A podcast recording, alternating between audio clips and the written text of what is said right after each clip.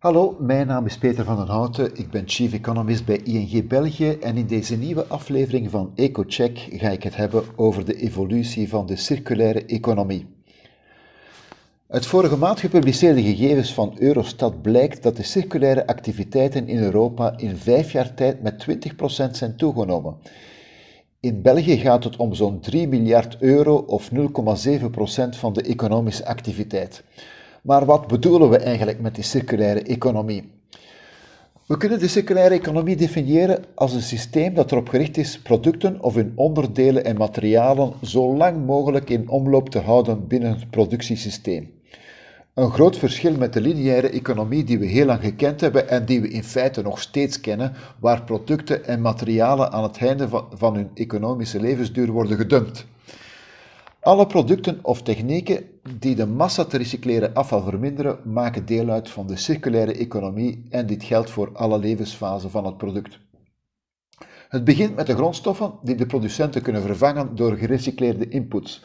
Zo is het gebruik van gerecycleerd materiaal in industriële grondstoffen in ons land tussen 2010 en 2019 gestegen van 12% tot 24%, een verdubbeling.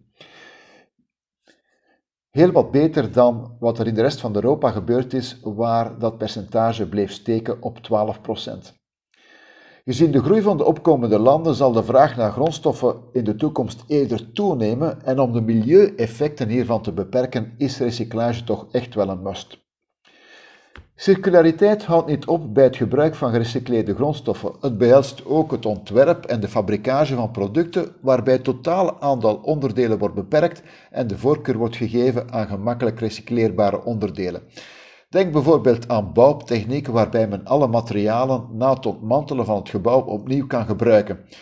Een beetje zoals bouwen met Lego-blokjes, waarbij men alle blokjes later opnieuw kan gebruiken in een andere creatie.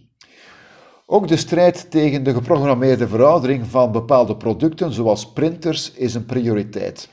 Daarnaast heb je ook nieuwe ontwerpen die in dit kader passen, zoals de smartphones van Fairphones, die zorgen voor goede praktijken vanaf de selectie van de grondstoffen tot de reconversie van de apparaten.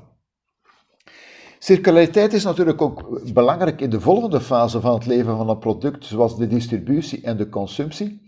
Een mooi voorbeeld daarvan is het gebruik van producten in dienstverleningmodus, waarbij een auto, een telefoon of een eenvoudige lamp op lange termijn wordt gehuurd en waarbij rekening wordt gehouden met de gehele levensduur van het product en de recyclage nadien. Er zijn zelfs producten die aan het einde van hun gebruik verdwijnen. Ecopoon, een Belgisch bedrijf, maakt bestek van gerecycleerde materialen die biologisch afbreekbaar zijn. Sommige zijn zelfs eetbaar, dus in plaats van wegwerpbestek te gebruiken bij grote events, eten de gasten hun bestek gewoon mee op. Of het lekker is, weet ik niet. Het inzamelen en recycleren van afval is natuurlijk uh, het meest voor de hand liggende onderdeel van de circulaire economie. In 2019 gooide elke Belg 415 kilo huishoudelijk afval weg. 415 kilo. Wat ver onder het Europese gemiddelde ligt, want daar bedroeg het 500 kilo. En de Belgen hebben in 10 jaar tijd uh, eh, 8,8% minder afval weggegooid. Dat is een positieve evolutie. In België wordt uh, eh, 54,7% van dit afval gerecycleerd, de rest wordt verbrand en gestort.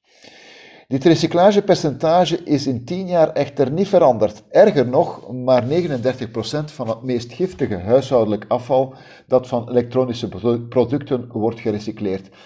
En dat is maar het topje van de ijsberg. Huishoudelijk afval is slechts een deel van het totale afval dat iets meer dan 5 ton per jaar bedraagt per Belg. 5 ton per jaar per Belg. Dus dat is toch wel een serieuze afvalberg. Gezien deze cijfers is het niet verwonderlijk dat de circulaire economie vaak wordt gereduceerd tot een recyclageverhaal. Maar het doel van alle stappen in het proces van de circulaire economie is de behoefte aan het herverwerken te minimaliseren door de hoeveelheid afval te beperken. Daartoe zijn alle fasen in het bestaan van het product, van het ontwerp tot de wijze waarop het wordt geconsumeerd en de keuze van grondstoffen belangrijk en kunnen zij circulair zijn. Met de hoeveelheid afval die we nog steeds produceren, is het duidelijk dat het circulariteitsverhaal in de komende decennia nog aan belang moet winnen. Zo, dat was het weer voor deze week. Bedankt voor het luisteren en tot de volgende keer.